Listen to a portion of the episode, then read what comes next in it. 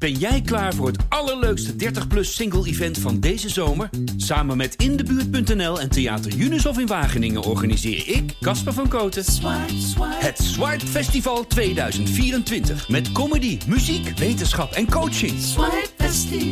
Maar vooral heel veel leuke mensen. Bestel nu je kaart op swipefestival.nl. Swipe, swipe.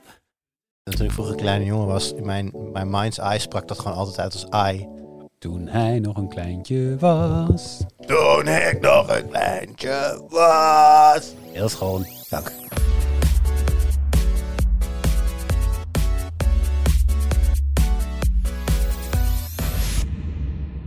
Hoi, leuk dat je luistert. Welkom bij een nieuwe aflevering van de Tweakers Podcast. Mijn naam is Wout en vandaag zit ik aan tafel met Friso Weijers. Hey. Met Arnaud Wokken. Hoi. En met Jure Nubachs. Hey. En we gaan het hebben over... ehm Sorry, ik deed, Fries, heen. Nou, ik weet niet waarom. Dat is prima. Dat is prima. Ehm, we gaan het hebben voor AI. Over AI. AI, KI, Ai. Artificial Intelligence. Want we zien het steeds meer terugkomen op apparaten. Eh, we hebben natuurlijk hè, ChatGPT, dat is dan het grote voorbeeld. Maar eh, ik had laatst een nieuwe Windows-update geïnstalleerd. En dan had ik opeens Windows Copilot. En Ja. Er zitten ook allemaal dingen in. In mijn, Ja, het is nieuwe, overal. in mijn Edge-browser zit het nu. Ehm, Heb, je, en, heb jij zelf nog geen AI in je hoofd? Nee, ik doe alles op Ah. manual. Ah. Ik heb mijn eigen neurale netwerk. Eh, en de Pixel-telefoons, de Pixel 8 generatie van Google is natuurlijk net uit. En die zeggen ook van AI, all the things. Dit is de reden dat je moet kopen. Ehm, dus laten we daar eens een beetje op doorbomen. Ik ben sowieso, we gaan wat dieper in, namens advies ook bij op die telefoons en wat je nou aan hebt. Maar misschien kunnen we het ook een klein beetje hebben over of we al die features die ons opgedrongen worden ook echt gebruiken. Want het, steeds meer Ja. software die ik gebruik, krijg ik pop-ups. Wij hebben nu ook AI en dan klik ik de pop-up weg en dan ga ik door met mijn werk. Dat is in ieder geval mijn, mijn insteek. Ja. Ehm, maar dat is voor zometeen. Ehm we gaan even naar de post. We, Nee, we, hebben gaan eerst, we gaan even naar AI. Want jij zei AI. En dan, gaat mijn, dan begint mijn brein begint dan te dwalen. Toen dacht ik, waar heb ik dat? Waar, waar komt dat vandaan? AI. En dat is grappig. AI is, is natuurlijk AI. AI, je maakt een grapje. Maar in mijn hoofd blijft de lettercombinatie AI voor altijd AI. En dat komt omdat ik denk dat het daar vandaan komt. Dat ik het voor het eerst heb gelezen in de Power Limited. Toen ik nog heel jong was. Power Limited bestond onlangs trouwens 30 jaar. Gefeliciteerd. Shout-out Power Limited.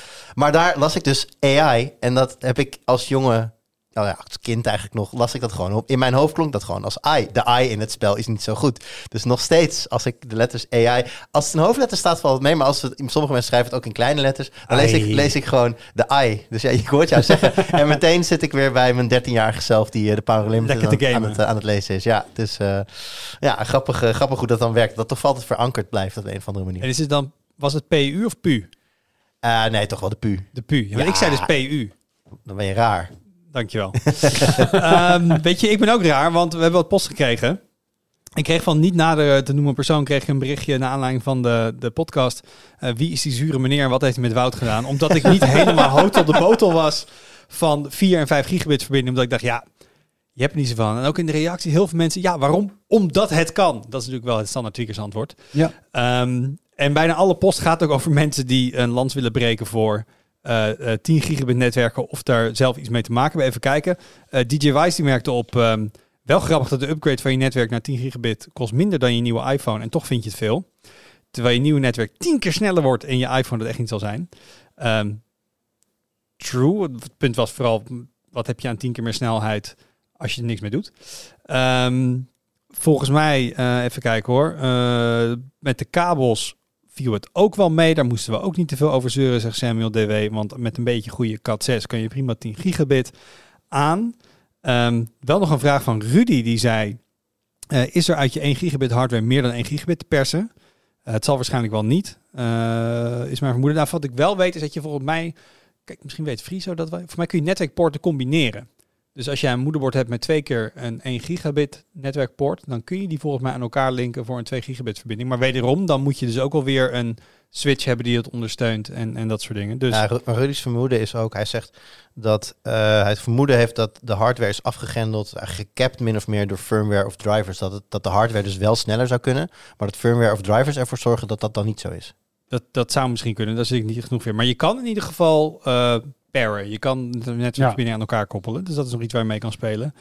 Eh, toen kregen we nog een, eh, een redelijk uitgebreide reactie van, eh, van Sasa. Die zegt, ik ben medeoprichter en ex-technisch directeur van Glasvezel de Wolde. Daar hebben we ook wel eens over geschreven.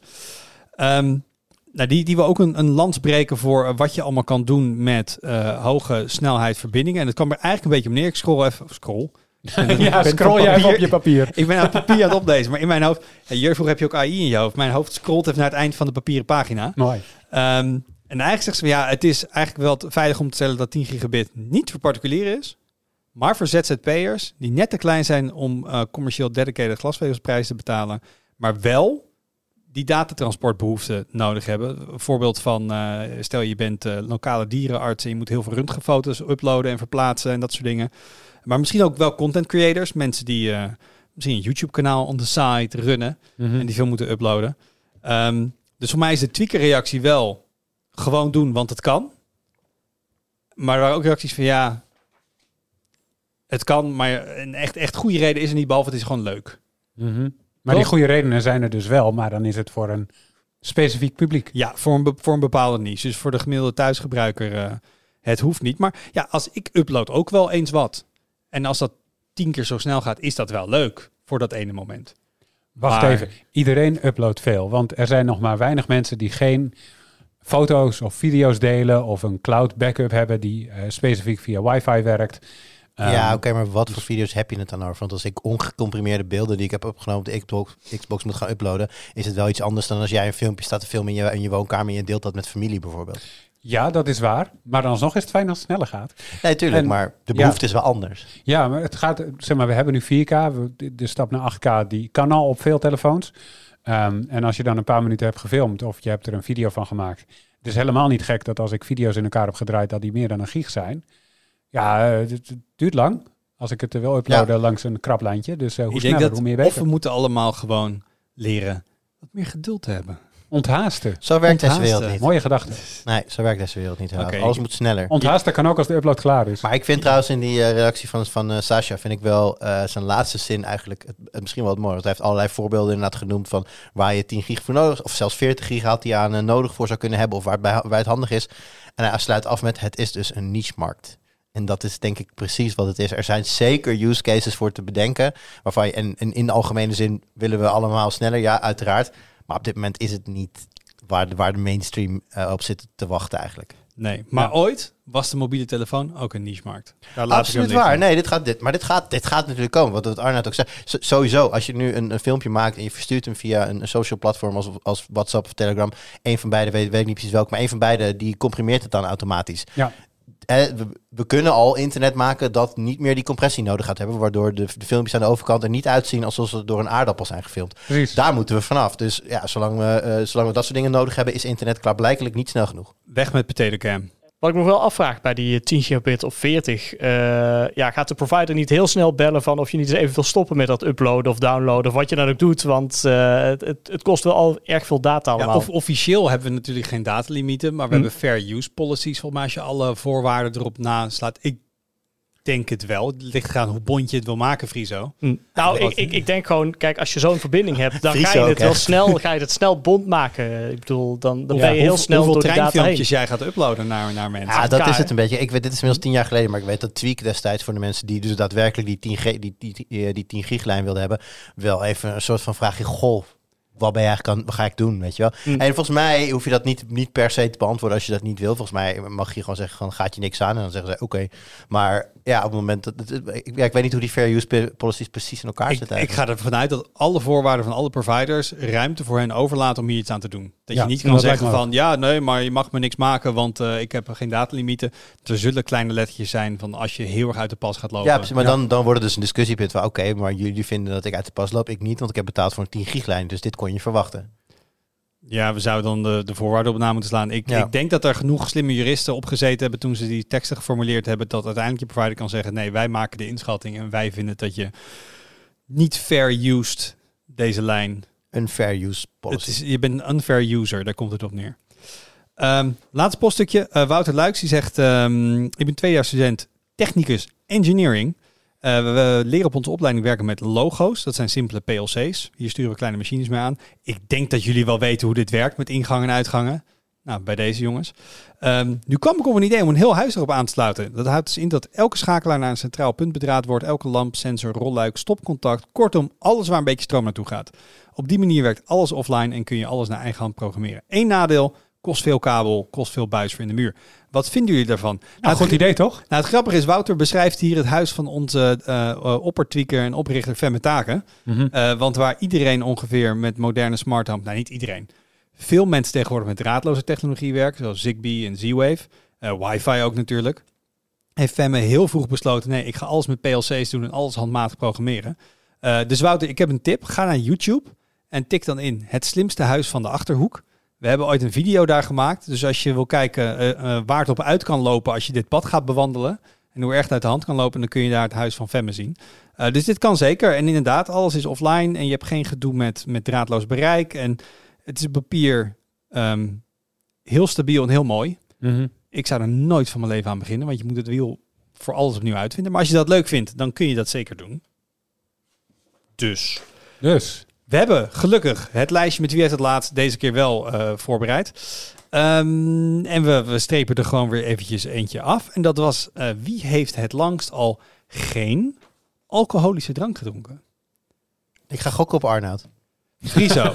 nee, ik begin even bij- Friso. Wanneer, wanneer was jouw laatste drankje? Nou, we hebben natuurlijk altijd op maandag een borrel. En ook deze maandag. Kleine borrel, maar toch wel. Ja, Oké, dus dat is afgelopen Eén biertje. maandag. Arnoud? januari. Januari. Oh, dus jij doet een wet januari en de rest van het jaar. Dat is precies. Ja, dat waren er twee. Maar dat, ik, was, ik, was, eh, ik was een weekendje weg. En eh, er stond op de kaart van het restaurant... warme rode wijn. Heb ik nog nooit gehad. Was ik nieuwsgierig naar. Heb Gewoon- ik geprobeerd. Is dat niet gewoon gluurwijnachtig dan? Nee, het was geen gluwijn. Het was Ah. expliciet, want dat stond ook op de kaart. Geen kruiden en zo, maar gewoon echt de rode wijn, Ja. maar dan warm. Warm. Dus, ja, gekke ervaring. Wel leuk. Ehm, nou, dat was het. En toen niet meer. Goed verhaal. Oké, ehm, gisteravond.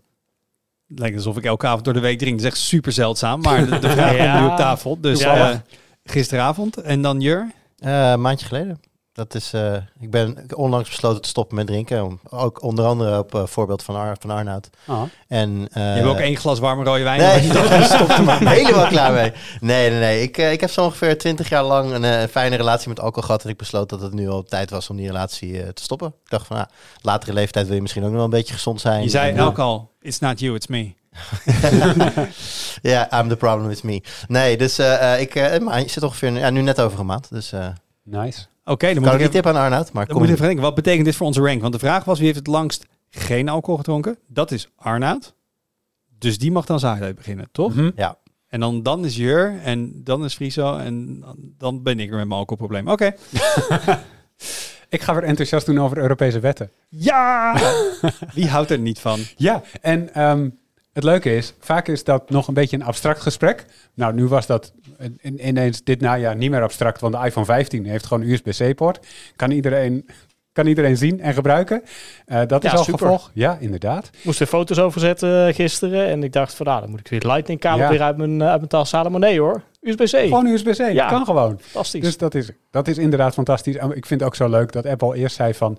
ja, en als je USB-C gaat verplichten op elke smartphone... dan stop je innovatie en zo. Nou, ze gaan over op USB-C. En de iPhone 15 Pro kan gewoon 20 keer zo snel data overzetten in één keer... dan de 14 Wat Pro. een innovatie. Het is geen innovatie, maar het is wel vooruitgang. Anyway, maar ehm, dit gaat niet daarover. Dit gaat over de DSA, de Digital Services Act. Hadden we het een paar weken terug over in de podcast. En toen voelde het toch nog een beetje als een soort van abstract ding. Want het werd niet echt gehandhaafd. Het was meer van, ja, er zijn wat bedrijven die doen er inderdaad wat mee. Uh, maar heel concreet was dat nog niet. En Thierry Breton, dat is de uh, eurocommissaris, dus een soort van minister, maar dan voor de, voor de, voor de Europese Commissie. Um, die ging ineens in het openbaar allemaal bedrijven aanspreken afgelopen week. En dat deed hij via social media, vooral op Twitter, X, hoe je het ook wil noemen. Ja, hij stuurde ze brieven en dan ging hij die brieven posten, toch? Dan gingen die brieven posten. En dat ging over um, uh, desinformatie met betrekking tot de aanslagen van uh, Hamas in Israël. Um, uh, en uh, dan stuurde hij van die keurige brieven met allemaal argumentatie. Zo van, ja bedrijf. En, dus, en hij stuurde het persoonlijk naar de, naar de CEO's. Maar ook alsof hij met ze geknikkerd heeft. Ja. Hey, hey Mark, zoals we Ja. laatst besproken hadden, vinden we dit niet heel oké. Dus ik ga je toch nog even eraan herinneren. Het Ja. was op een hele persoonlijke basis. Het, zo klonk het wel. Ik vond het heel leuk. Hij stuurde dus brieven naar ehm, eh, Meta, Facebook, naar eh, Twitter, Elon Musk, en naar eh, Sundar Pichai voor YouTube. Ik weet niet in hoeverre Sundar Pichai rechtstreeks verantwoordelijk is voor YouTube. Hij is verantwoordelijk voor alles. Heel voor alles, dus we, we, we keuren het goed. Ehm, En, en dan zeiden ja, moet je horen, de, de, DSA is ingegaan. Zoals jullie weten, jullie hebben dan een verplichting om desinformatie te verwijderen. Als wij eh, dingen hebben, hebben geflagd en, en, en dat bij jullie hebben aangegeven. Ten tweede, jullie moeten kinderen beschermen. Zitten de nodige kinderen op jullie platform, dus doe wel je best. En ten derde, zorg dat je proactief beleid hebt om te zorgen dat, dit, dat uh, de gevolgen van desinformatie op jullie platform uh, zoveel mogelijk beperkt worden. Het, die brieven waren ook, het was echt een soort template. Je zag zijn template, want het was telkens net iets. Het was alsof hij het door ChatGPT haalde en zei van, dit was mijn vorige brief, kun je het iets anders formuleren zodat het net iets anders is, maar wel met dezelfde boodschap. En, um, maar dat waren mooie brieven en dat helpt. Want uh, TikTok heeft TikTok, die stuurde je ook een brief, die was ik nog vergeten. Um, en die heeft dus echt extra mensen erop gezet die Arabisch en Hebreeuws spreken, om te zorgen dat ze uh, die specifieke uh, video's en livestreams kunnen aanpakken. En ze hebben echt heel veel offline gehaald. Uh, Meta deed hetzelfde op Facebook, heel veel posts weggehaald. Ja, iets van 700.000 ja, of zoiets. zo. Ja, Is er ook bekend wat er dan in die post stond en, en op welke basis dat als nepinformatie bevonden is? Ja, volgens mij ging het over de relatie van de Europese Unie tot Israël. En uh, het zal wel dingen zijn geweest met samensweringen en zo Mm. over, over, nou ja, goed. Nee, wat Ik ik, weet ook niet ben precies hoe die lezen is dat, er, is dat er geregeld gewoon beelden gebruikt worden van andere conflicten. Ja, dat- en dat dat, er dan gebeurt- bij gezegd wordt, dit is deze Ja, week gebeurd. Dat gebeurt veel en ik heb zelfs ook al gelezen dat er überhaupt eh, door AI gemaakte beelden gebruikt zijn in de informatieoorlog rond deze crisis. Maar het is natuurlijk een super gecompliceerd eh, eh, conflict, waarbij Mhm. wij op deze afstand eigenlijk nooit echt kunnen zien wat er nou wel en wat er nou niet klopt van de verhalen die we lezen, van de beelden die we zien. Dus ik vind het dan zo, maar mijn eh, het begint bij mij meteen te kriebelen zo van oké, maar dus het is geflagd als dit is nepinformatie, dat heeft Ja. iemand zo bevonden. Niet iemand, een relevante autoriteit heeft dat zo aangegeven. En, Dat ehm, is, he- het is namelijk heel erg veel wat er nu offline wordt gehaald. ja, maar er wordt ook zo verschrikkelijk veel gepost. Nee, dat snap ik wel. Maar en dus, kunnen dus, ook, zeg maar, ehm, reposts zijn van hetzelfde. Ja, oké. Ja, En- dat is waar. En dat gebeurt volgens mij ook heel veel. Ik, voor duidelijkheid, ik sta hagels. helemaal achter. Ik vind, ik vind, ik vind nepinformatie een van de grootste bedreigingen die we momenteel voor onze eh, maatschappij hebben. Alleen, eh, het is natuurlijk heel erg lastig. Als je ziet hoe, hoe bijvoorbeeld de, de, de OSINT-desk van de NOS soms, eh, hoe, hoe lang zij met sommige Ja. vraagstukken bezig zijn. Want daar, daar vertellen ze dan later ook over. En dat gaat soms dagen tot weken overheen voordat ze bepaalde dingen hebben bewezen of, of juist het tegendeel hebben bewezen. Ja, dus, dus, dus deze organisatie moet gigantisch groot zijn en machtig zijn om al die, om die stroom van, van nepnieuws te kunnen tackelen. Ik hoop dat, dat ze erin slagen. Het is in ieder geval goed dat, dat maar dat bedoel ik, ik, er is, hoe verwoord ik dit goed? Ik ben sceptisch dat het zo makkelijk is en dat het dus, ik ben een beetje bang eh, of dan niet ook dingen onterecht in die, in die molen meegaan, zeg maar. Ja, geen idee. Aan de andere kant, als je het hebt over desinformatie, ehm, dan is dat geen binair filter met een nulletje of een eentje. Het is, ehm, ik wou zeggen 50 tinten grijs, omdat het gewoon in mijn hoofd opkwam, maar zo is het ook weer niet. Maar als je het over grijstinten hebt, dan zijn sommige dingen echt wel bijna zwart. Zo van, ja, je weet heel duidelijk dat dit Ja. net is en je kan het zien. En het is echt bewust ingezet. Dit is gewoon ehm, Ja. eh, niet in de haak en gewoon fout. En je hebt dingen die meer op de grens zitten. En ik mag toch hopen dat, zeker in deze fase waarin de Europese Unie net begint met deze wetgeving, dat ze echt aan de veilige kant zitten. Dat gok ik zo, zeker omdat de termijn waarop ze dit deden ook vrij kort is. Wat jij zegt, het kost gewoon veel tijd om de meer dubieuze dingen uit te zoeken. Eh, ik denk dat ze gewoon het laaghangende fruit hebben gepakt. Dat het al zoveel is, is zorgelijk aan de ene kant. Aan de Ja. andere kant, we weten dat dat speelt. Want ehm, nou ja, die botlegers die schieten met hagel om te zorgen dat ze viral gaan. En soms lukt dat dan. Ehm, maar ik vind het, het ik, wat ik hier interessant aan vond is, zeg maar, de DSA is ingegaan. Dat is nu een paar maanden geleden voor de zeer grote online platforms. En gelijk zit er zo'n eurocommissaris bovenop. Ja, dat is Eh, goed. En dat vind ik gewoon, ja, Ja. dat vind ik echt heel goed. Maar Dit wat ik wel afvraag, voor heeft, het eerst. Is niet een papieren tijger in die zin. Precies. kun je die, want je zegt, hè, hij verstuurt die brieven en opeens gingen allemaal bedrijven wat doen. Is dat oorzaak-gevolg? Denk je dat ze bij TikTok niks aan het doen waren en toen kwam deze brief en toen gingen ze opeens mensen aannemen? Of waren ze dat al van plan en hebben ze dit nu een beetje aangegrepen van, zie je wat we aan het doen zijn? We, we Mhm. luisteren goed. Denk je dat Meta 700.000 posts pas is begonnen met weghalen toen deze brief binnenkwam? Dat vraag ik me een klein beetje af. Of, Goeie vraag. of zijn ze gewoon dingen wat meer ja, zichzelf aan het het- promoten en vermarkten van kijk eens hoe goed we ermee bezig zijn in antwoord op die brief van, zie je wel, we doen echt wel wat. Het Want zou mij echt niet verbazen als het gewoon puur door die brief komt. Ik denk namelijk dat, hè, wat Arnoud zegt al een beetje. daar word ik de- wel een beetje de- verdrietig de- van. Nee, oké, maar er is een wet ingegaan. En Arnoud zegt het is goed om te zien dat er nu een eurocommissaris ook daadwerkelijk bovenop zit. Ik kan me heel goed voorstellen dat jij als eh, het bestuur van zo'n groot bedrijf zegt van nou, dit is de zoveelste regel die ons op een bepaalde manier aan banden moet, moet leggen. Laten we eerst maar even zien hè, wa- wat er van komt. Laten we, eerst maar, laten we eerst maar eens kijken wie ons gaat aanschrijven, wanneer, dat soort dingen. Dat ze er rekening mee hebben gehouden dat er misschien al een plan van aanpak lag. Ze hebben natuurlijk wel heel snel geschakeld allemaal. Dus dat, dat er een plan van aanpak heeft, aanpak heeft gelegen, dat geloof ik meteen. Maar nee, ik geloof niet dat ze dit al aan het doen waren en dan Maar nu bedoel, dit aangrijpen. Meta heeft een gigantisch team van nou, dat maar honderdduizenden mensen die op desinformatie zitten. Al jarenlang. Dat is iets wat Mhm. gewoon een wezenlijk onderdeel van een hele bedrijfsvoering is. We zijn een social netwerk, dus daar komt bij desinformatie. Dus het is niet alsof ze dit niet al van dag tot dag doen. Dus Ja, ik, Nou, ik word waar. er een beetje verdrietig van als het echt zo zou zijn dat er dus 750.000 posts op dat netwerk staan die eigenlijk gedelete kunnen worden.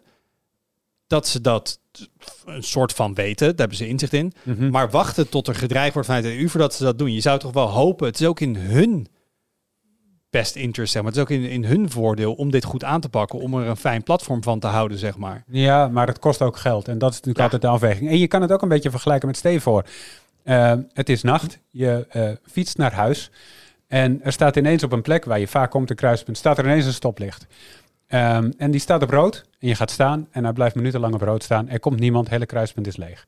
Ik denk dat 9 van de 10 mensen dan uiteindelijk toch doorfietsen. Ik was niet eens gestopt. Of fiets hem onmiddellijk door, dat Ja. kan ook. Ik ga gewoon uit van de nette versie. Ja, Eh, nee, sorry. Je bent niet dronken, Ja. Dus misschien eh, denk je wat beter na. Eh, maar als je weet dat je een boete krijgt op het moment dat je met rood gaat oversteken, of je wordt er überhaupt op aangesproken dat je door rood rijdt, dan kan dat al die beslissing anders maken. En dat geldt voor die bedrijven in een soort van grote twisted vorm toch ook. Nee, ik Ehm, zeg ook niet als je dat wordt niet, aangesproken, dan mag het ineens geld kosten. ik zeg niet dat het niet is, maar ik vind dat wel Triest, ja. is, is, is ja, heel, een hele cynische manier voor zo'n bedrijf om ernaar te kijken. Ja. En, en Net als in Kassa en in Radar, weet je, die consumentenprogramma's, dat bedrijven pas klanten goed gaan helpen op het moment dat zo'n programma op de stoep staat met een draaiende camera.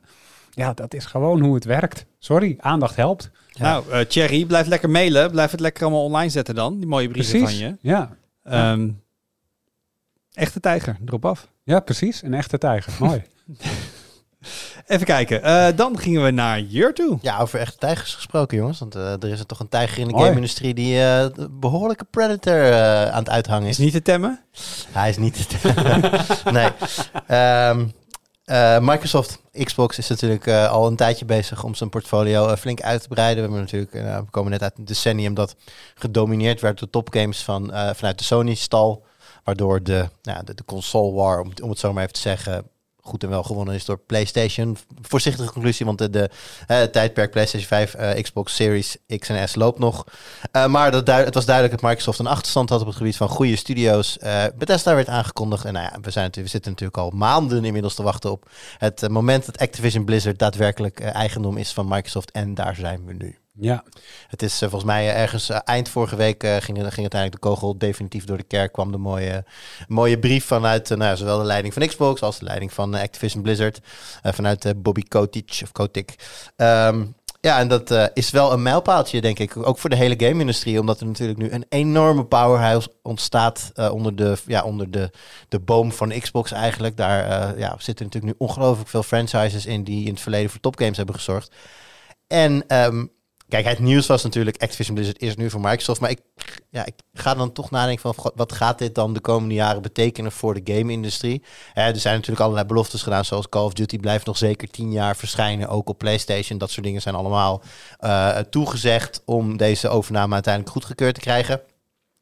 Maar ja, zo, de, de verzameling bedrijven die je nu hebt, dat is natuurlijk ook ongelooflijk veel creativi- eh, creativiteit en ongelooflijk veel goede mensen. Dus die kunnen ook gewoon hele nieuwe IP gaan maken. Dus alles wat vroeger eh, bedacht is door het zij Bethesda, het zij eh, Blizzard, het zij de Activision Studios, wordt natuurlijk nu allemaal eh, ja, eigendom, is eigendom van Xbox ja. en zal richting exclusive gaan. Eh, dat, kun je, dat, dat, dat zie je nu al gebeuren bij Bethesda. In het begin werd gezegd, nee, we gaan heus niet alles eh, exclusive maken. Oh, grapje, toch wel. Ja, en dat, dat is gewoon een kwestie van tijd voordat het natuurlijk... Nou, Call of Duty zal dan misschien tien jaar lang wel ondersteund worden, maar dat zal dan een van de weinigen zijn. ja. Maar nog even los van exclusive. Zal ook naar Game Pass gaan?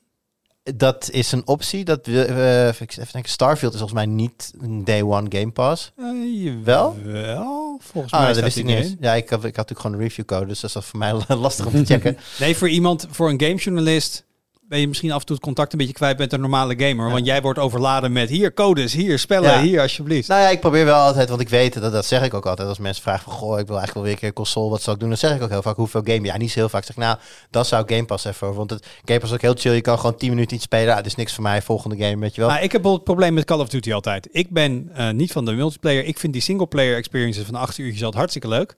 Maar daar ga ik niet een hele game voor kopen. nee. Maar als het op Game Pass komt, dan kan ik lekker even de singleplayer er Ja, doorheen. daarbij is het eh, nog wel trouwens interessant om te checken wat je nou betaalt voor Game Pass. Want voor heel veel, er was natuurlijk een aantal jaar geleden had je een hele mooie workaround. Waardoor je voor, ik geloof, 3 euro per maand omgerekend had je dan. minder. Ik heb, minder dest- dan? ik heb destijds denk ik 90 euro afgetikt voor drie jaar. Nou ja, daar ga je al. Dus voor heel veel mensen komt die deal nu een beetje eh, op een einde. Vorige maand. Ja, dat is, ik hoor het namelijk heel veel momenteel. En er zijn wel wat andere workarounds waardoor je nog steeds wel relatief goedkoop, maar niet meer zo goedkoop. En er komt een moment, ja, ik, wat is het nu? 16 euro per maand is het geloof ik, of 21 zelfs als je Game Pass Ultimate wil hebben. Dus er komt een moment dat het best wel se- serieus wordt. Maar zelfs dan, is het nog steeds een goede deal? Als je dan zeg maar 150 euro in een jaar moet betalen of zo, dat zijn tegenwoordig ongeveer twee full price games om en nabij. Ja. Dus ja. als je meer dan dat speelt, dan je hebt het al snel uit. Maar die, die geweldige constructies met een basisabonnement in Brazilië kopen via een VPN en dan een eenmalige upgrade naar Ja, je Ultimate moest volgens mij, je moest, gold, je, moest, je moest gold memberships kopen en dat kon je dan omzetten naar eh, Game Pass eh met een tijd. verdubbelaar en weet Ja. ik het en zo. Lijkt YouTube wel, dat wordt ook steeds duurder. En dat kun je ook in Brazilië kopen. Of Ja. nee, Argentinië, dat was het. Nee, precies. Maar ik toevallig zag ik op een afschrift vorige maand dus, opeens 14,99 naar Microsoft. Denk, hé, waarom betaal ik 14? Geen idee. Oh, Game Maar Pass. zat met drie jaar staat erop. Ja. dus- Maar goed, eh, om op je punt terug te komen, als dit allemaal eh, Day One Game Pass eh, wordt, dan wordt natuurlijk dat een propositie waar je eigenlijk bijna niet meer omheen kan als gamer. Eh, Dus dat is heel interessant. Dat zal Microsoft ook zeker gedaan hebben met dat in het achterhoofd. Ja, dan ga je toch afvragen, wat gaat er aan de overkant gebeuren? Ja. PlayStation heeft toevallig nu net weer een, een, volgende topgame uit in de lange, lange reeks die er is. Dus Sp- nieuwe Spider-Man, Spider-Man 2. eh, ben ik nu mee bezig. Ik kan, je, kan na een paar uur spelen al zeggen dat die gewoon echt heel erg goed is. Maar er komt wel heel erg veel druk te liggen op die Sony-studios die er zijn. En die maken met elkaar, nou ja, wat zal het zijn? Vijf, zes hele grote franchises die tot nu toe iedere keer een schot in de roos zijn. Maar, stel je, wat, maar wat gebeurt er als de volgende Last of Us of de volgende Uncharted of de volgende Gran Turismo toch niet zo goed meer is op een gegeven moment? Dat, dat als daar, dat alles draait nu, er ligt heel veel druk op die, die eigen studio's van, van, van de PlayStation Worldwide Studios. En dat is ook een beetje het ding van ja, waarom koop je een PlayStation 5? Ja, om specifiek die games eh, te kunnen spelen eh, en niet vier of vijf jaar te moeten wachten zoals PC-gamers onder ons. Maar als die meerwaarde daarvan wegvalt of, of verbleekt bij wat, wat Xbox straks kan aanbieden vanuit Game Pass, ja, dan zou het een heel zwaar decennium kunnen gaan worden voor Sony. Met, nou, ik zal niet zeggen het einde van PlayStation is nabij. Want, wat ze- U hoorde het hier eerst mensen in deze van- podcast. Nee, ja, je moet ook niet vergeten dat een heel groot deel van de wereld eh, bijvoorbeeld ook nog helemaal leeft op fysieke dragers. Dus daar is Game Pass helemaal nog geen ding. Weet je? Dus, Ja. dus in die markt blijft PlayStation gewoon, denk ik, de komende tien jaar makkelijk de, de marktleider. Je ziet in Indonesië op straat nog steeds PlayStation 3 reclame. Ja, kan gewoon. Dus ehm, zo, zo snel zal het wereldwijd niet gaan, maar gewoon puur kijk naar hoe, hoe de toekomst is, hoe die zich gaat ontwikkelen. Hè, PlayStation dat natuurlijk ook niet nu, eh, niet toevallig nu ineens met streaming bezig is en dat soort dingen. Dus ik, eh, ik heb er een beetje hard hoofd in met PlayStation. Ik denk dat ze eh, de boot een klein beetje gemist hebben. Maar kan Sony niet gewoon zelf een andere studio overnemen dan? Zijn er nog Ja, kandidaten? daar, wordt- daar wordt natuurlijk veel naar gekeken. Kijk, Ubisoft. Ubisoft heeft heel nadrukkelijk in de, in de etalage gestaan de afgelopen jaren. Staat er nog steeds volgens mij trouwens. Sony is niet Microsoft. En dat is een hele Mhm. grote open deur. Maar Microsoft, de zakken van Microsoft zijn aanmerkelijk veel dieper dan de zakken van Sony. Mm. Eh, Microsoft kan, als ze een dagje slecht geslapen hebben, zichzelf eventjes opkrikken en een nieuwe studio erbij kopen. En denken, ah lekker, dat was een leuke dag. en zo, ja, dat ligt, voor Sony, dat ligt voor Sony even anders. Dus Mm. ik, ik Sommige weet, mensen gaan shoppen en kopen een nieuwe trui of zo. Ja. Anderen die kopen even een game studio. ja, ik, ik heb Activision gekocht. Nou ja, En jij hebt er al zoveel. Je speelt niet eens met je andere studio's. Of, of opleiden dan. Mensen opleiden, een kleine studio kopen. Ik Nee, natuurlijk. ik- aan, eh, niet, Ajax. Zal niet stilzitten. Ja, hebben natuurlijk ook misschien, maar- samenwerking met Epic ook gedaan. Mhm. Met het op het gebied van PC-gaming natuurlijk. Dus wellicht dat daar eh, licentie-wise nog iets eh, mogelijk is. Trekken natuurlijk ook wel eh, timed exclusives veel naar zich toe vanuit de Square Enix hoek en dat soort dingen. Dus daar zitten misschien ook nog wel wat dingetjes aan te komen. Maar zij zijn niet in de positie om een Bethesda of een Activision Blizzard. eh, kijk, als ze dat wel zouden zitten, dan, hadden- dan was er natuurlijk al lang een nieuwe strijd ontstaan rond bijvoorbeeld EA. Mm. Of bijvoorbeeld Ubisoft. Want daar zitten Mm. natuurlijk ook nog een heel, een heel aantal franchises die Sony dolgraag aan zich zou willen bidden. Als ze Madden en FIFA aan zich kunnen bidden exclusief, dan sla je een gi- gigantische slag. Maar dat is Madden en wat? Madden en FIFA, eh, Wat is dat? FC 24, ja. Oh, dat is een leuke game, die ja. ken ik. Ja, ja, Ja, nagaan. nog steeds. Hè? Dat krijgt het gewoon niet uit. Die artist formerly known as FIFA. Nee, maar zelfs EA heeft al een- gewoon een strategische samenwerking met Xbox. Want die EA-games komen na een tijdje ook allemaal naar Game Pass. Zeker. Dus daar, zel- zelfs daar al in de, in de, in de, in de, ja, de, de third parties die nog open zijn. Zelfs daar zit Xbox vaak beter binnen dan PlayStation. Dus ja, ik, eh, ik, ik, vind het, ik vind het nogal wat. Ik denk dat we pas over enige jaren echt de impact van deze overname eh, kunnen gaan zien. Maar eh, het zou me echt niet verbazen als je over vijf à tien jaar terugkijkt en denkt van... Goh, het huidige landschap zoals dat er nu is, werd eigenlijk ja, niet helemaal ingeleid... maar bezegeld misschien al wel door de overname van Activision Blizzard door, door Microsoft. Maar wat vind jij dan? Want de, de, de spotlight van heel veel eh, autoriteiten stond op deze overname. Eh, Groot-Brittannië lag lang dwars. Kwam er uiteindelijk toch door. Ehm, had dit tegengehouden moeten worden? Ehm, vind ik heel lastig te zeggen, want tegelijkertijd, want hè, ik, ik begon dit verhaal met Microsoft die eigenlijk de, het afgelopen decennium heeft verloren omdat ze een gebrek hadden aan goede Ja. studio's. Dus je kunt ook zeggen van, nou ja, als je, als je nu nee had gezegd, dan had je Sony kunstmatig in die troon gehouden. Hm. Want het staat Microsoft in die zin vrij tussen aanhalingstekens. We hebben mededingingsautoriteiten die precies om deze reden bestaan, dat snap ik. Maar het is ook weer niet zo eh, dat je dan maar moet zeggen van nee, dat mag niet, want anders worden ze te sterk voor, voor PlayStation. Ja, PlayStation is zonder die overnames te sterk voor, voor, voor, voor Xbox. Dus Nou, niet zozeer te sterk voor PlayStation, maar als het allemaal exclusives worden, dat wel gewoon de markt verschraalt. ja, En dat er gewoon keuze weg wordt gehaald. Ja, kijk, PlayStation, ze hebben natuurlijk moeten beloven dat Call of Duty nog tien jaar lang minimaal eh, op, ook op PlayStations gaat verschijnen. Dus in die, in, in die zin eh, eh, is, het, is er al wat water bij de wijn gedaan. Ik denk ook dat ze zelf per release gaan kijken waar zit de afzetmarkt. Ik bedoel, games die traditioneel populair zijn onder PlayStation gamers, waar Call of Duty een goed, goed voorbeeld van is. Ehm, ja, waarom zou je die dan weghalen bij, de, bij, bij PlayStation? Je wil uiteindelijk ook gewoon zoveel mogelijk geld, verdienen. verdienen. Ja. Dus, Al die zakken geld die ze in de studio stoppen, willen ze ook ooit weer, weer eruit halen. Maar je gaat het straks wel krijgen, en dat is inderdaad een goed punt wat je aan het begin maakte, is dat ja, de volgende, nou niet deze misschien nog, maar stel dat Call of Duty volgend jaar komt en die kost 69 of 79 euro op PlayStation en er zit een Game Pass op Xbox. Ja. Ik ga denk ik even kijken wat op dit moment de beste manier is om weer een goedkope Game Pass af te sluiten. Want ik wil er nog wel eventjes aan vast. Ja, eh, dus dat eh, wat, wat gaat een hele interessante periode worden. Ik hoop wel dat Sony op de een of andere manier ook wat, eh, wat ja, ik hoop in zo'n als er, als er zo'n titanenstrijd ontstaat, dan is het wel fijn als er een tweede titaan naast de ene staat, anders wordt het niet echt een strijd. Is wel fijn dat, dat ik, ik ben heel benieuwd. Ik zie een soort Pacific Rim-achtige dingen voor me. Twee titanen die tegen elkaar strijden. Godzilla tegen King Kong. Kwartier Ja. over de gamingmarkt gepraat. Nintendo niet genoemd, trouwens. Ja, Dat doen toch heel erg een eigen ding. Is ook nog wel genoemd hoor. Ik zag ergens las ik een comment. Kan Sony niet gewoon Nintendo overnemen? Dat is ook wel een mooie. En dan via Sony Nintendo games naar de PC brengen. Ja, ik Komt voor. eindelijk nog van de Nintendo PlayStation misschien. Nou ja, dan Mooi. is wel de cirkel, dan is de cirkel weer op. Ja, als je is een echte, dat als je is een van- echte consoleverzamelaar bent, dan heb je de Nintendo PlayStation. Dat is van voor jouw tijd toch, Friso? Ik ken het verhaal, maar... Ja, eh, precies. ja, Maar er bestaat inderdaad er bestaat, er bestaat een prototype inderdaad. De, of PlayStation Nintendo of Nintendo PlayStation. Maar het, eh, er is ook, is ook een boek, De. Console Wars. Prachtig. Eh, dit- dit- Dat hele, die hele strijd in de jaren negentig en zo. Mm. Dat Sony zegt, ja, we gaan wel samenwerken. Psych toch niet. En Mhm. dat was maar wat. Ehm Friso. Ja. Ehm, ik ga het toch wel over een smartphone hebben. Nou, Wat leuk. leuk. Ja. Nou ja, wat leuk. Ik bedoel, ik, dat, dat, dat hoor je natuurlijk ook wel eh, in de reacties onder de iPhone reviews. Ik bedoel, ik heb, eh, dat was vorige week ben ik bezig geweest met de iPhones. Deze week ben ik bezig met de, de Pixels natuurlijk.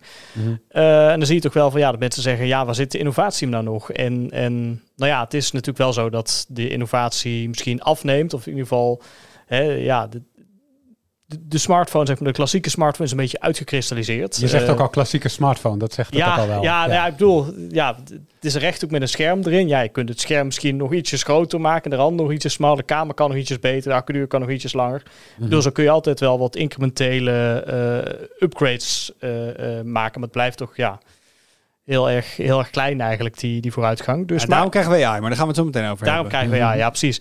Nee, maar eh, ik ben vorige week toevallig, eh, nou ja, niet toevallig, want ze hebben het ding deze week aangekondigd. De OnePlus Open eh, ben ik voor, eh, nou, bij OnePlus langs geweest. En ik moet zeggen, dat is toch wel een toestel eh, waar ik enthousiast van werd toen ik het voor het eerst in handen had. Want wat is het precies beschrijven? Is dit, gewoon, dit is gewoon ook een klassieke smartphone? Nee, de OnePlus Open, nou ja, dat is de eerste foldable van, eh, van Ah, OnePlus dus. Ja, Eh, Maar is het een klassieke foldable? Het is nou... Die zijn nog niet klassiek, Wout. Niet zo... Nee, ja, we, we hebben al hoeveel generaties Samsung Galaxy Fold? vijf. Vijf. Het begint er ook een beetje te kristalliseren. Maar, Ja, maar- nou, dat, dat zou je dus zeggen. Maar ik bedoel, want die, die Galaxy Folds inderdaad, ja, dat is ook ieder jaar, of in ieder geval zeker de afgelopen drie generaties, eigenlijk is er weinig aan veranderd. Behalve dat hij nu echt dicht kan klappen. Nou ja, het was ook eigenlijk Wow. een beetje gek dat dat voorheen niet kon. Dat hij een beetje op zo'n eh, zo'n half kiertje eh, dicht stond. Maar goed, de OnePlus Open dus. Dat is net zo'n zo'n foldable als de Galaxy Fold. Dus het is een, ja, een ding wat je uitklapt eigenlijk tot een tablet. Als je hem dus open doet. Ehm, maar dan zie je toch wel dat er qua hardware-innovatie nog best wel ruimte is om, om, om eh, verder te gaan. wat doen zij dan anders? Nou, wat doen ze dan anders? Eh, ja, een paar dingen. Ik bedoel, puur en alleen al dat de smartphone een stuk dunner is en lichter dan die Galaxy Fold. Ik bedoel, als je de Galaxy Fold vast hebt, nou, dan heb je wel echt het idee van... Ik heb hier een bijzondere smartphone in handen. Ja, je, je zult niet denken van dit is een normaal toestel. Hij is chunky. Hij is chunky, precies. En bij de OnePlus Open, nou goed, hij is nog wel ietsjes dikker dan een normale smartphone, dat wel. Maar ook weer niet zoveel dat je niet, dat je niet zou zeggen dat het een normaal toestel zou kunnen zijn. En daarnaast, hij, is, eh, hij heeft een andere vorm. We hebben natuurlijk ook de eh, Google Pixel Fold gezien. Eigenlijk heeft hij dezelfde vorm als de Pixel Fold een beetje.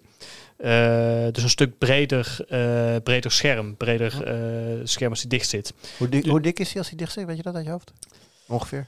Volgens mij 11 mm. Oh, dat, Oh, dat is mee. inderdaad... Dat Ja. was een zes, zeven jaar geleden gewoon een smartphone. Dat is, eh, m- mijn Ja. Fairphone met hoesje eromheen is niet heel veel dunner. Die is niet dunner, nee. Nee, dus daarom. En wat ze ook beter doen, ja, dat doet, eh, want OnePlus is natuurlijk onderdeel weer van het, eh, van het BBK-concern waar Oppo ook in zit. Het is ook eigenlijk een, een, een, ja, een Oppo die ze even een ander eh, stickertje hebben gegeven. Ja, is dit gewoon de Oppo Find En drie, ja. 3, Ja, ja. maar dan van OnePlus? Maar dan van OnePlus, duidelijk. ja precies. Ehm, wat ze ook heel goed doen, en dat zie je bij meer Chinese merken ook trouwens, eh, ook bij Motorola bijvoorbeeld, eh, dat is het scharnier. Kijk, als je naar die Galaxy eh, Fold 5 kijkt, hè, die kan nu die kan dicht, dat, dat is goed, maar nog steeds zit er wel echt zo'n gootje in het scherm als die, als die dus eh, open staat. Nou, het scherm van de OnePlus Open, het is niet helemaal 100% vlak, maar het is wel echt een, stuk minder aanwezig. Dat, ja, Ga- gaan, we er, gaan we er langzaam maar zeker een beetje komen? Want dat vind ik het grootste, ehm, de grootste teleurstelling van de ontwikkeling van foldables. Kijk, dat je bij zo'n eerste generatie duidelijk ziet waar de vouw zit en hem voelt, zwa. Mm. Maar dat we net zeggen dat er al vijf generaties van Samsung zijn en zoveel Ja. generaties van andere bedrijven. En we daar eigenlijk geen... Ik, ik, voor mij is een foldable pas echt af als ik niet meer zie waar die vouwlijn zit, voor mijn gevoel. Nou, ik, ik vind eigenlijk dat het nog veel verder moet gaan. En dat vind ik, want jij vindt het wel echt hardware-innovatie, zeg je. Ehm, maar voor mij klinkt dit gewoon als een soort van optimalisatie van een al bestaand concept. Ze hebben gewoon iets gepakt wat Samsung al jaren mee bezig is.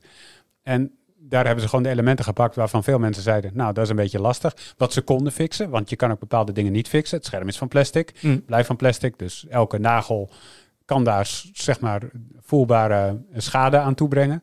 Ehm, dat is niet gefixt. Ehm, en ja, het is met 11 mm minder dik, maar het blijft best wel groot en dik.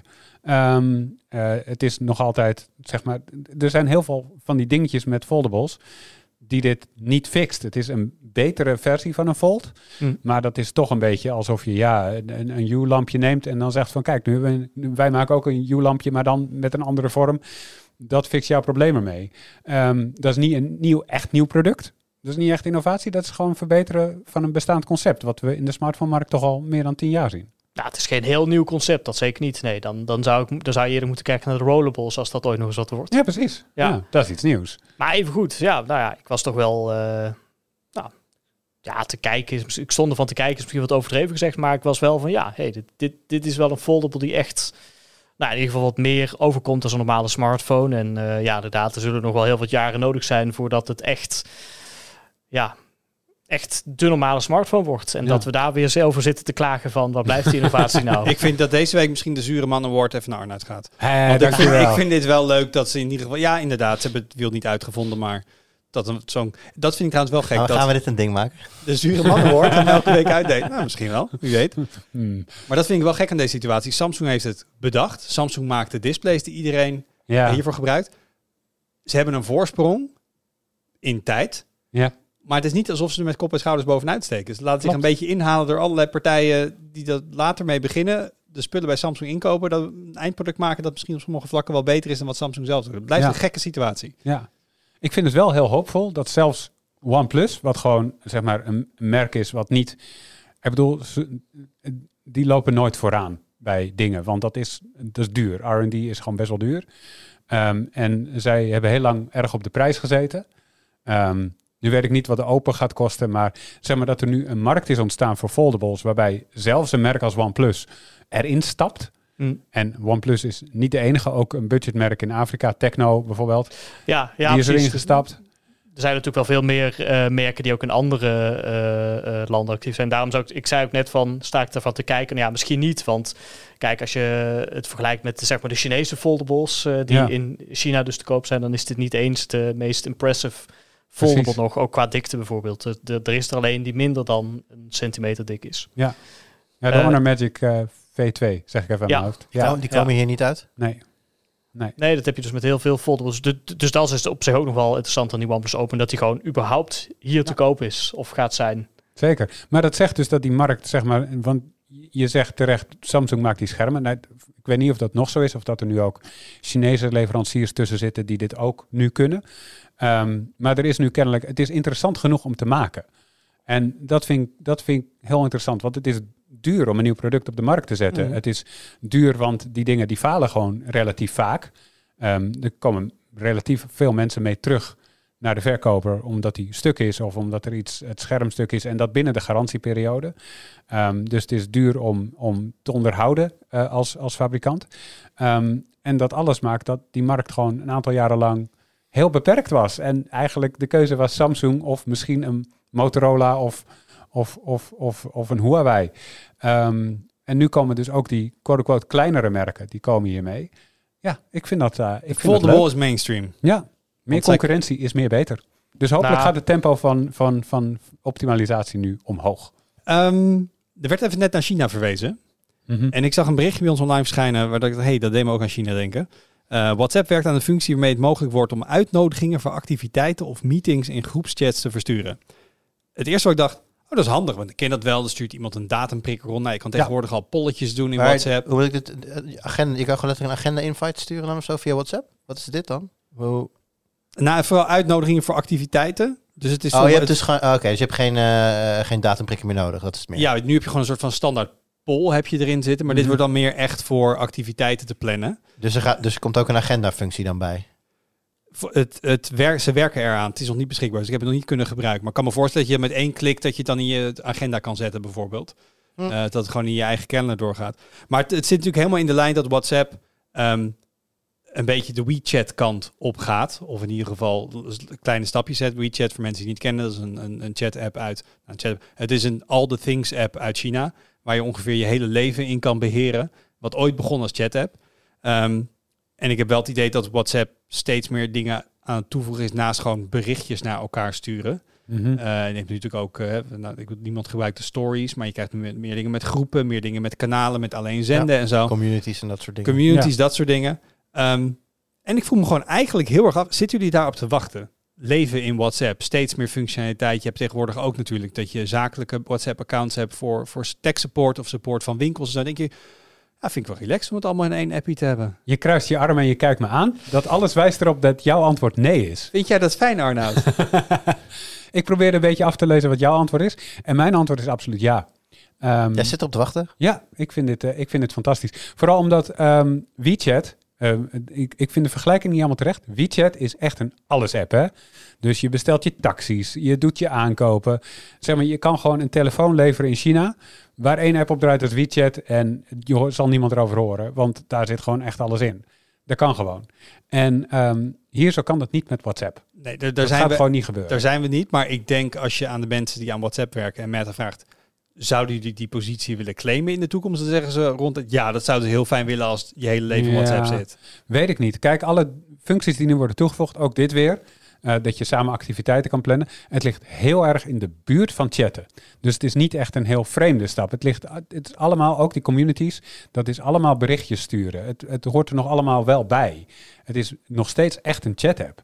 En ja, stories, die geef ik je, maar ja, alleen Tweakers heeft geen stories. Althans, niet op Tweakers zelf.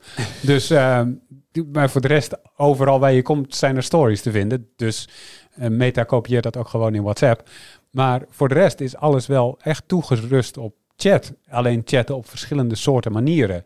Ehm, en dit is, het, zijn niet, het is niet ineens dat, die, dat WhatsApp zegt: Kijk, weet je wat je nu kan doen? Je kan een taxi laten komen.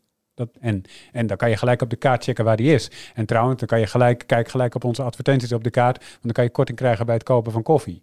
Wel, dat soort dingen, dat zit er allemaal niet in. Nog niet. Nog niet. Nee, maar dat zijn. Niet- Extensies, plugins, de Uber plugger voor WhatsApp. Ik, ik zou het niet uitsluiten dat dat Ja, ik heb er nog niks van Maar wat ik, wat ik er vooral voor, wat ik, oké, want dan vraag je, wat vind jij ervan? We gaan natuurlijk nu ook met, ehm, ik, ga ze, ik, ik noem ze altijd gewoon samen, want ik weet het verschil nooit goed, de DMA en de DESA. Gaan we juist werken aan het meer openstellen van chat-apps en ze meer aan elkaar koppelen. En dit gaat natuurlijk de hele andere kant op. Dit is lock-in, dit is proprietary features, dit is mensen. Want als je dus op een gegeven moment volgens de wet, als ik vanuit mijn Telegram-app ook moet kunnen WhatsAppen, zit dit er dan in? Of kom ik dan in een groepschat waarbij iemand zo'n ding aanmaakt dat ik in mijn niet-officiële app zie, niet ondersteund door jouw app. Dan krijg je een beetje het blue, blue bubble, green bubble verhaal van iMessage, zeg maar. Dus voor mij gaat dit heel erg de andere kant op. In vergelijking met waar die hele markt nu eigenlijk vanuit de EU heen gaat. Ja. En daardoor zeg ik, nee dankjewel. Ja, snap ik. Trouwens, een klein ezelsbruggetje voor je. Als je denkt, dit heeft met monopolies te maken en met concurrentie, dan denk je monopolies, dat is een M. DMA, dat is dan de goede. Dat is heel makkelijk. Huh. Het, het is niet waar de M voor staat, in DMA, maar De Digital Monopoly Act. precies. Maar dat is... Goed, ezelsbruggetje. Eh, ja, en misschien is dit ook wel in reactie op de DMA, als in ze moeten het openstellen, daardoor als ze meer bieden dan chat, ehm, dan, eh, dan hebben ze meer reden om gebruikers vast te houden. Maar ook dan werkt zeg maar concurrentie, want ze gaan nu harder hun best doen om te zorgen dat ze jou in WhatsApp houden. En uiteindelijk is concurrentie altijd goed voor ons als gebruikers. Dus ook dit. Dat is toch weer een zin die elke week wel een keer langskomt. Zeker. Voor jou, Jur, alles in, alles in je WhatsApp? Nee. Nee, ja, ik weet niet, misschien, eh, ik weet niet of dit voor jullie herkenbaar is, maar mijn WhatsApp lekt de laatste weken veel vaker dan dat het voorheen deed. Nu heb ik sinds een aantal weken ook zo'n community in mijn WhatsApp-lijst. Dus een aantal van losse chats zijn verhuisd naar een subgroepje dat dan een community is. Mhm. En ik heb ook het gevoel dat het daarmee samenhangt. Nou, kan het, dat kan volstrekt toeval zijn. maar Ik hoorde er ook meer mensen over. Dan denk ik, ja, als jullie features gaan toevoegen en daarmee voor mij de, de bruikbaarheid van deze app eh, eh, verminderen, omdat het gewoon af en toe zo erg lekt dat ik er niet eens een bericht tussen krijg, eh, dan hoeft dat voor mij niet. Dus nou, dit kan gewoon toeval zijn. Het kan een specifiek probleem zijn wat met mijn eh 13 mini te iPhone 13 mini te maken heeft. Dat kan natuurlijk allemaal. Maar nee, is, hoe, meer ik heb, bij mij is het idee ontstaan, hoe meer zij innoveren, hoe slechter de app wordt. Dus. Ah, maar Apple maakt WhatsApp langzamer, zodat je naar iMessage gaat. Oh, dat zou het ook nog kunnen zijn. Prima. Dan doen we- Opgelost. Dan doen we het een iMessage. Volgens mij wordt die misinformatie verspreid. ik ga, ga Thierry Beton eventjes, eh, die moet Arnoud even een Nee, brief sturen. In alle, ser- in alle serieusheid, ehm, ja, weet je, dit is nog vrij klein, de mogelijkheid om activiteiten en meetings te plannen in groepschats. Ik heb het niet nodig, het hoeft voor mij niet. Ik vind het helemaal niet erg om voor alle functies die ik heb aparte apps te gebruiken, want ik weet waar ze zitten. En heel vaak, eh, als, als er bijvoorbeeld iemand iets inplant via een, eh, eh, iets als datumprikker en het komt in mijn Gmail binnen, dan, dan pakt mijn Google Agenda het vaak ook automatisch al op. Oh, datumgebruik, Bob, staat meteen in mijn Google Agenda. Ja, daar hoeft niet heel veel meer automatisering bij. Het mag wel, maar ik zit er niet per se op te wachten. En, eh, zal ik even mijn antwoord nog aanvullen? Het lijkt mij super handig, maar ik denk niet dat het goed is dat het gebeurt. Dat is een beetje mijn punt. Want Ja. ik, natuurlijk is het handig. Ik hou ook van gemak. Maar als alleen maar doen wat gemakkelijk is, dat is denk ik niet altijd de beste uitkomst. Eh, dus dat was een beetje mijn punt. Maar dat dat, dat allemaal in één app zit, ik snap dat dat super handig is. Ja. Wat denk jij, Friso? Ik zou zeggen, don't put all your eggs in one basket. Oh, Misschien. Mooi. Ja. Ja. Nou, ik heb Eh, Telegram-eitjes, ja. ik heb WhatsApp-eitjes, ik heb SMS-eitjes. Twitter had je vroeger heel veel eitjes. Ja, ik heb Signal-eitjes. Twitter, ja. Doen die trouwens ook niet zoiets? eh, of tenminste, dat is toch het plan met X, om daar uiteindelijk ook zo'n everything-app eh, van Nee, te de maken. X moet ook WeChat worden inderdaad. Ja. Hm.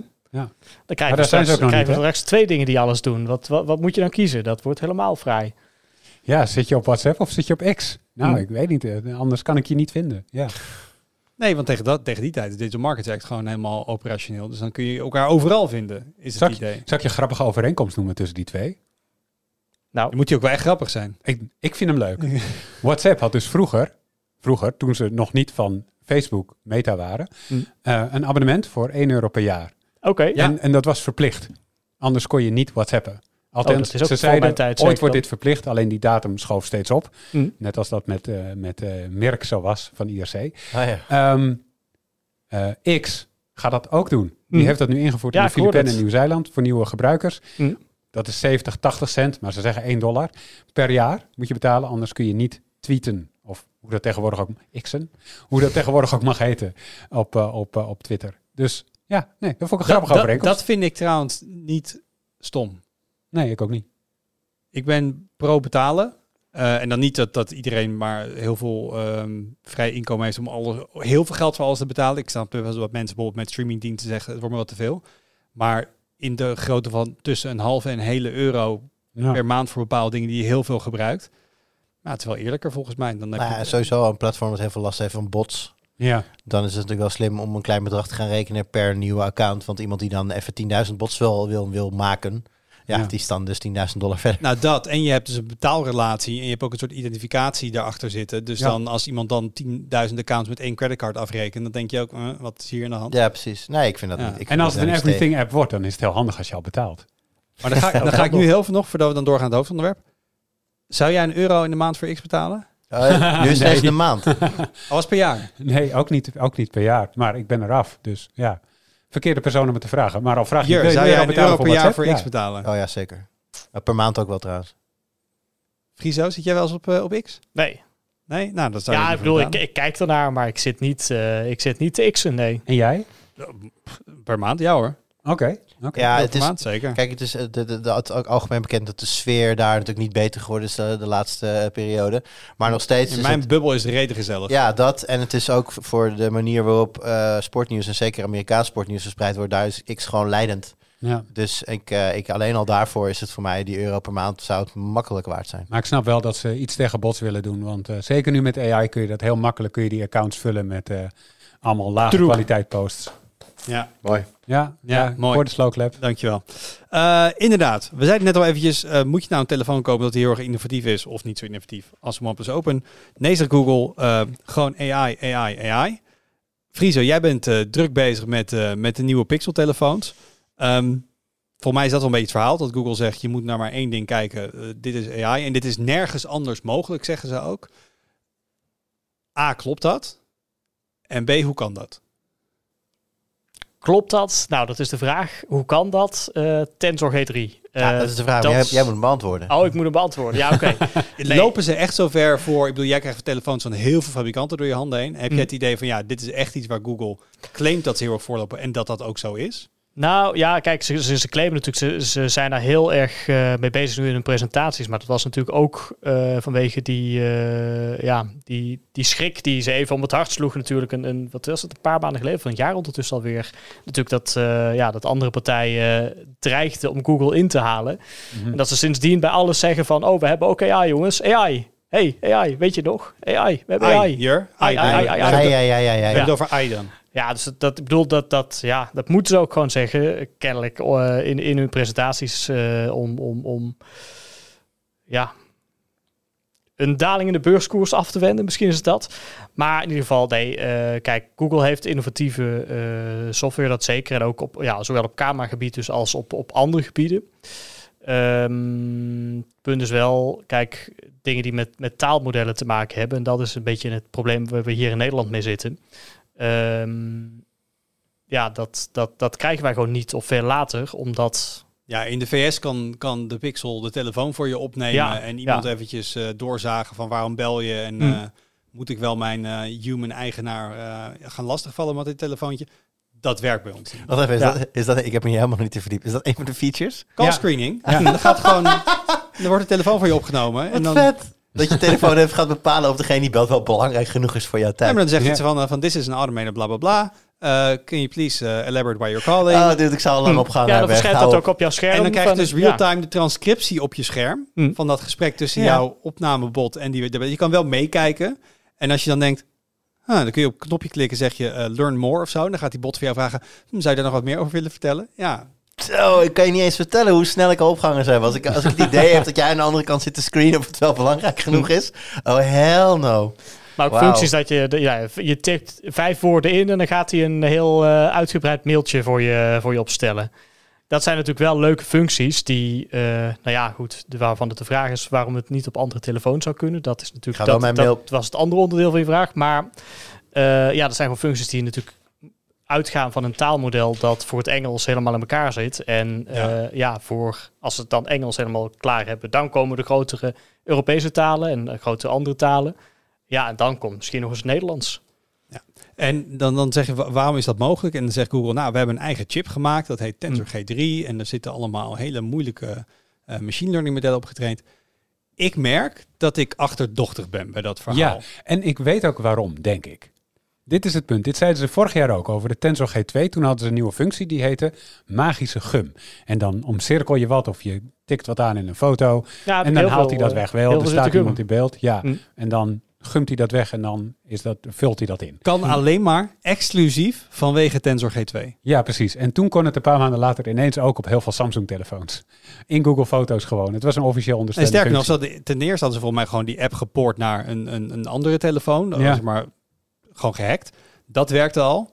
Toen werkte het op Samsung-telefoons. Tegenwoordig werkt het op iPhones. Ja, in Google Foto's. Dus dat ding was alleen maar magisch. Konto. En tuurlijk, als je dan dit vraagt, zeg je ja, nee, maar we hebben het zo geoptimaliseerd sindsdien. Maar dat, precies dat. eh, dan denk je toch van ja, en, en alle manieren hoe je die chip kan testen, hoe wij dat kunnen doen, laat niet zien dat dit heel veel beter is wat de concurrentie heeft. Dus ja, maar benchmark maakt niet uit. De, de unieke combinatie van onze modellen op ons tensor stukje op die chip, dat is uniek. Valt niet te benchmark, maar ga er maar vanuit dat dat op die manier werkt. Ehm, Ze zeggen ze eigenlijk, je kunt het niet testen, maar geloof ons maar. Mhm. Ja, nou, en als voor mij een van de primaire taken als journalist is om dan te zeggen: nee, ik ga niet alles geloven. Ik ga juist Hoe toetsen. durf je? Ja, dit, Ja, maar, zure, zure. ik, ben weer de, ik ben weer de zure man. Nee, maar dus ik ben een beetje. ehm, we zijn een beetje gebrand, zeg maar, door die. ehm, door die, die, die ervaring van vorig jaar. En nu zeggen ze dan ook weer dingen van ja, dit kan dan. En ze zeggen dus, eh, er zijn dingen die alleen op die chip kunnen. En de helft, of een aantal van die features die ze nu hebben van AI, die werken geen eens helemaal op de telefoon. Hm. Want die werken ook nog deels in de cloud. Ja, klopt. Als je dus, je hebt inderdaad een magische gum, dat werkt wel op de telefoon. Dus ik Mhm. heb best wat eh, zitten afgummen. Werkt inderdaad wel echt beter trouwens op die Pixel 8 en de Pixel 7. Zal eh Wout zo meteen, je gaat zo meteen een video opnemen. dus Nee, dat gaan we er nog doen. En alles, dat, eh, dat, er zijn ook echt wel dingen die zien. beter werken Hm. en, en de kwaliteit wordt ook beter. En het kan ook zo, hè, dat ze hierna besluiten, we gaan het nu keihard optimaliseren voor andere chips. En het lukt ons na een half jaar ontwikkeling om het ook Ja. draaiend te krijgen op een Samsung. Dat kan, Hm. dat kan. Maar goed, die magische gum, dus dat werkt wel op de telefoon. Maar inderdaad, als je de magische editor, die heb je dan ook nog. Eh, en als je die wil gebruiken, dan zegt hij van nee, je moet eerst de foto backuppen. En dan gaat hij dus, eh, dan moet je dus een internetverbinding hebben om, om eh, ja, dingen te, te kunnen editen. En ja, wat kun je dan editen? Eh, dan kun je dus een, een object selecteren, ook weer net zoals met de magische gum. Maar dan kun je in plaats van dat hij het dan zeg maar weg moffelt, eh, kun je het verplaatsen naar een andere plek in de foto. Of groter of kleiner maken, wat je wil. En ik moet zeggen, dat op zichzelf werkt behoorlijk goed. En dat is Hm. best bizar. Als je op die manier gewoon, waar je vroeger hele eh, goede Photoshop, eh, Photoshop skills voor nodig had, dat je dat nu op die manier kan doen. Hm. Ehm, maar het draait wel bij Google in de cloud en niet op die Ja. telefoon. Of in ieder geval deels. Hm. En ze hebben iets aangekondigd met Video Boost. Ja, En dan, eh, dan film je eerst je video's. En dan gaat het geüpload worden naar de cloud. En dan gaat Google je video veel mooier maken. En dan kun je hem weer downloaden. En dan...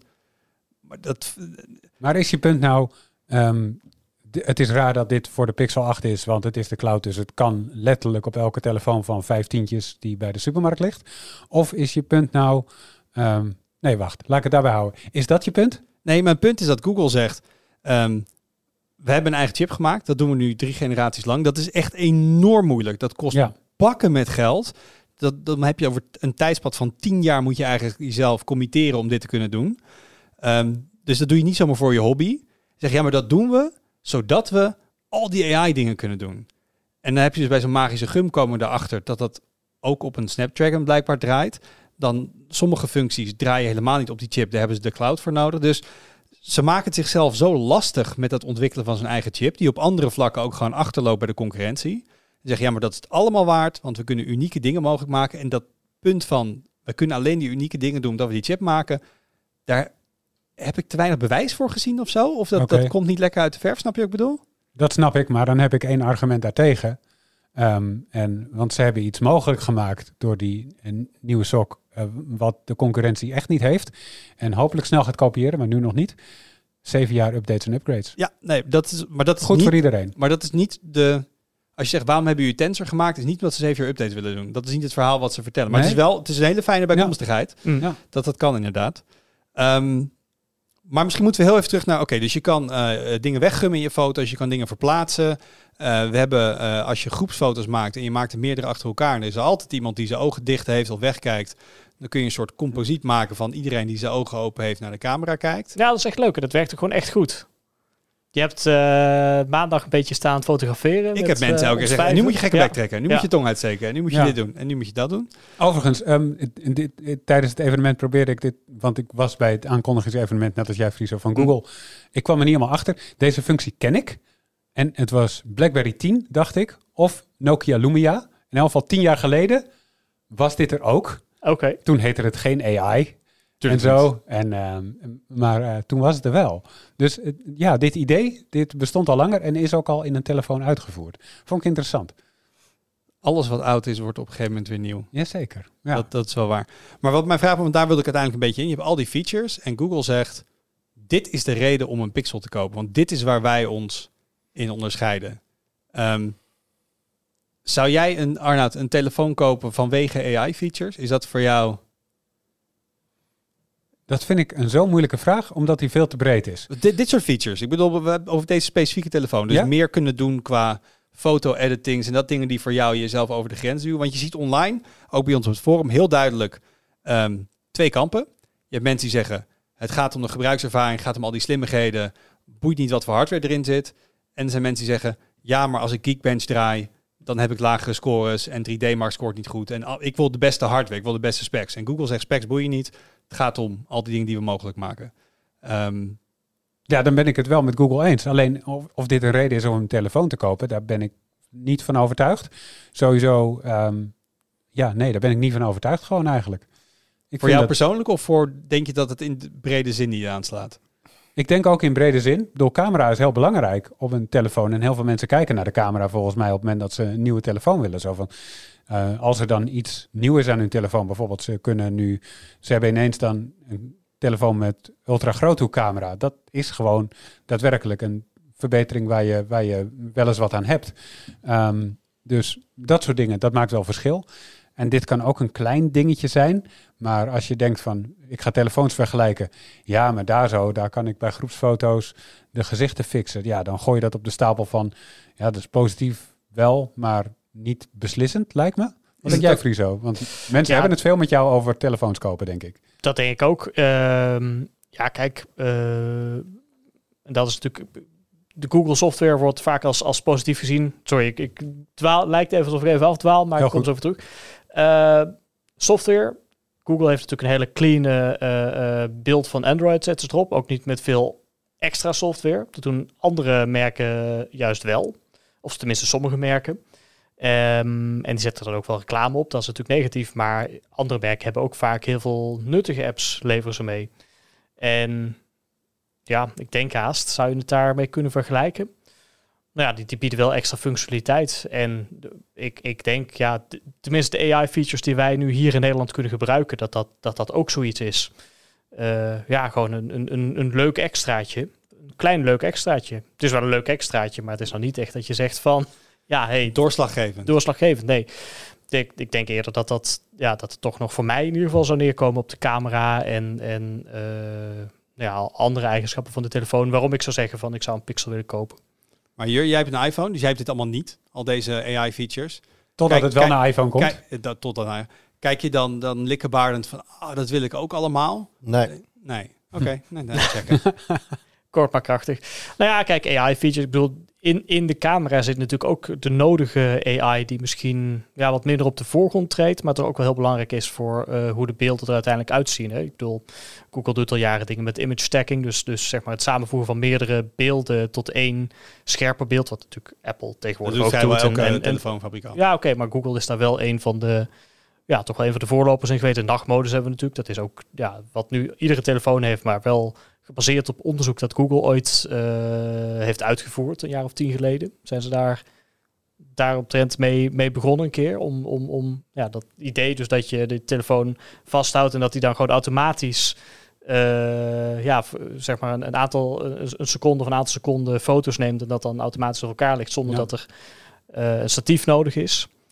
Uh, maar dat is, ja. daar maak je goed punt, want dat, daar wil ik even heen. Dat heeft Google uit bedacht en iedereen doet dat nu. Ja. En Google zet nu heel erg in met die hele pixelstrategie. Koop een pixel vanwege onze slimme software. Er zit ook een App Store op. Ik kan allerlei software installeren. Ik zou het Play Store noemen. Maar Play Store. Ik kan allerlei software installeren. Dus nu heb ik misschien Google Foto's nodig om dit te doen, te gummen. Maar staat elke fabrikant vrij om een gum-app te maken waarmee ik dit kan doen. Mhm. Dus maar wat ik me afvraag is, het, als, als dit echt een hele USP wordt, koop onze telefoons vanwege de software die wij meeleveren. Dan, dat is een risico, denk ik, want je kan ook ingehaald worden. Want andere fabrikanten kunnen dit namaken. Met die camera hebben het ook al die technieken worden nagemaakt. Um, Apple zegt, koop iPhones, want ook prachtig design, de beste materialen, supersnelle hardware. Dat, dat is allemaal moeilijker te kopiëren met die mate van afwerking en al dat soort dingen. Um, en als je nu ziet in hoeveel software nu in het laatste jaar al AI-features toegevoegd zijn en erbij gepropt worden en hoe hard dat gaat, vraag ik me af of dit inderdaad over twee, drie jaar nog onderscheidend genoeg is wat Google nu doet. Van kijk eens, we hebben AI-features, want A, iedereen gaat het overnemen. En je hoeft niet per se een telefoon voor te kopen. Je kan ook gewoon dingen gaan downloaden op je telefoon die dit doen. Ik weet niet hoe, jij dat ziet, Friso. Is, is dit onderscheidend genoeg op lange termijn? Oeh, dat zal heel erg voor de doorontwikkeling afhangen. Kijk, het is natuurlijk ook een beetje jammer in die zin voor Google dat Android uh, ja, toch wel wat opener is dan, dan, dan uh, iOS. Dus uh, ja, dat je bijvoorbeeld ook die, die features zelf een beetje kunt overporten. Ja, wat mensen natuurlijk ook heel veel doen, is dat ze de Google camera app op een andere telefoon laten draaien. En dat die andere telefoon ineens dan ook een veel betere camerakwaliteit heeft. Maar dat, ja, Arnoud, is, is dit een goede strategie voor de komende vijf tot tien jaar? Ja, kijk, ehm, die telefoons verkopen doen ze nu. En in het komende half jaar tot een jaar, dan is de Pixel achterkoop. Is dat tegen die tijd al gekopieerd, aangenomen dat Google het niet gewoon vrijgeeft? Ik denk het niet zo snel. Ehm, en misschien wel hoor, maar dan is het momentum voor de Pixel 8 echt al geweest. Ehm, dus ja, dit, dit kan werken. Zeker als je de hele tijd nieuwe functies toevoegt. Dan is dat aan zich echt geen slecht idee. En een telefoon verkopen door de software die erop staat, dat kan gewoon. Dat is, dat is gewoon wel, bedoel, tuurlijk, je kan altijd dingen downloaden, maar relatief weinig mensen doen dat. En ze gebruiken de dingen die standaard op de telefoon staan. Dat geloof ik echt wel. Dus ja, dat kan werken. Ik weet niet of deze functie specifiek die invloed hebben, hoewel ik de groepsfoto functie, dat is wel redelijk overtuigd. Ik denk dat dat een probleem is waar veel mensen tegenaan lopen. En je kan gewoon dan wel groepsfoto's fixen op een manier die anderen niet kunnen. Mm. En uh, als mensen dat zien, dan gebeurt dat in een groep. Dus uh, dat deze telefoon dat kan, dat kan zich razendsnel verspreiden door mond tot mond. Het is, een het is een leuke party trick. Het is een leuk, ja, het is letterlijk een party trick. Als in, het werkt op feestjes. En, um, en daar heb je het meeste nut ervan. Dus ja, ik denk dat dat echt niet, niet slecht bedacht is. En ik bedoel, ze, ze proberen het ook al met hardware, want ze hebben ook weer een nieuwe, dit, de achterkant voelt anders en er zit een temperatuursensor op de Pro en weet ik veel wat. Dus dat doen ze ook wel. Um, maar dit is inderdaad wel hun, hun focus. En uh, ja, ik, niet slecht, maar je moet een overtuigende functies hebben. En ik denk dat het daarvoor nog net te weinig is eigenlijk. Maar uh, ja, als, als route kan dit wel werken, denk ik, ja. We gaan het zien. Uh, er komt zo'n review aan. Friso is druk bezig. Ik assisteer wat met, met de video. Dus als je allemaal mooie voorbeelden wil zien van Friso die kaart heeft wezen gummen, dan, dan moet je ja, dat ik heb lekker zitten gummen. Ja, nee. Alles uitgegumd. Je, je, gaat, je, je gumt jezelf helemaal een ongeluk. Um, even kijken, nou, dat is dus een van de dingen die er aankomt. Uh, even kijken, op gamegebied. Jij zegt, jij bent net begonnen aan Spider-Man, maar dat gaat nog even duren, denk ik. Uh, ja, ik verwacht eind volgende week ergens online. Ja, uh, de collega's die zijn ook met dat game dingen bezig. Jelle en Jannik hebben zich over Forza gebogen. Ja, uh, nieuwe ja, Forza Motorsport. Er gebeurt heel wat. Want ondertussen ligt uh, nieuwe Mario game, die ligt bij een freelancer. En Jeroen Horlings is bezig met de City Skylines. Het lijkt net alsof het najaar er weer aankomt. Het is, uh, het is momenteel na, het is er. En dit is ook wel de piek hoor. Hierna de komende, het gaat hierna weer afbouwen. We hebben een, ah, okay. een, een, een, kleine, een stille landing. Um, een van onze nieuwscollega's, uh, chef, die is bezig met een roundup van in-ear headsets. Dat, dat, die roundup wordt steeds groter. Is was het idee, hey, er, komt, er zijn wat nieuwe dingen uit, twee of drie. Ga die eens testen. Voor mij is hij nu bij negen uitgekomen. Oké, okay, definieer in-ear headsets. Eh, ja, het staat in-ear headset. Het is gewoon eigenlijk Bluetooth in-ear. Gewoon oordopjes. Ja, van die dopjes Ja. in zo'n doosje. Ah, ik, ben aan, ik, ik ben niks aan het oplezen in-ear headset. Ja, oké. Maar, Maar, oordopjes dus. Ja, Ja, Ja. nice. ja dus je eh, hebt, gewoon de, on- je hebt on-ear en in-ear. Dat is, de, Ja, ja, de oké. AirPods versus de Galaxy Buds versus nieuwste Sony's versus de Pixel Buds Pro versus al die andere dingen. Dus eh, dit moet ongeveer wel... Ja, ik denk dat we met negen modellen wel de hele top-end van de markt te pakken hebben. Nice. Ja, ik, ik kan wel zeggen, ik heb er een paar aangevraagd. Het is één merk wat we nog niet hebben weten te bereiken. Dus boos als jullie ons horen, dan eh, mogen jullie er ook weer Ik zie toesturen. net onze luisteraars vertellen, als je dit gelezen hebt, dan ben je helemaal op de hoogte. En dan komt Friso. Nou, eigenlijk niet. Zure man van het jaar. Ja, nee. ja. Nee, de, de collega onderuitschoffelaar van de week is Ai. dat. eh, nee, maar dat inderdaad, ehm, eh, als, als ze luisteren, eh, stuur die ook even op. maar, maar dan gaat hij dus wel de sneak peek weer uit. Want dan moeten we dus de boze nog helemaal gaan testen. Die doen we los dan, denk ik gewoon. Eh, en jij bent nog met een verhaal bezig over AI-plaatjes. Om Ja, toch ja, even ja, in de AI-hoek te blijven. Had ik vorige week in, in de podcast over eh, dat, eh, dat onderzoek van Rest of World over eh, stereotypen Ja. bij plaatjesmakers. Dus je laat een huis in Nigeria genereren en dat is altijd een vervallen huis. Ehm, en ik dacht, ja, het zou mooi zijn om dit te kunnen belichten vanuit een Nederlandse insteek. Dus ik heb alle AI-plaatjesmakers verzameld die ik in elk geval zonder betaald abonnement te pakken kon krijgen, zodat je daadwerkelijk heel veel plaatjes kan genereren. En ik heb bij elke plaatjesmaker, dus dan moet je denken aan Adobe Firefly, eh DALI, eh, Bing heeft een image generator ingebouwd zitten. Eh, wat hebben we nog meer? Crayon.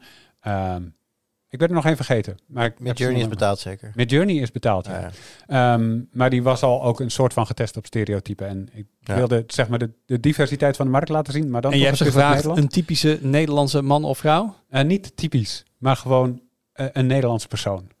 En dit is natuurlijk wel een beetje spoiler, maar krijg je dan mensen... Heb je, zijn er klompen gegenereerd? Er zijn klompen gegenereerd. Klompen, koeien, windmolens. Ja, alles. Ja, en ik vind het heel mooi om te zien hoe je, ehm, hoe je de verschillen ziet tussen de, de diverse diensten.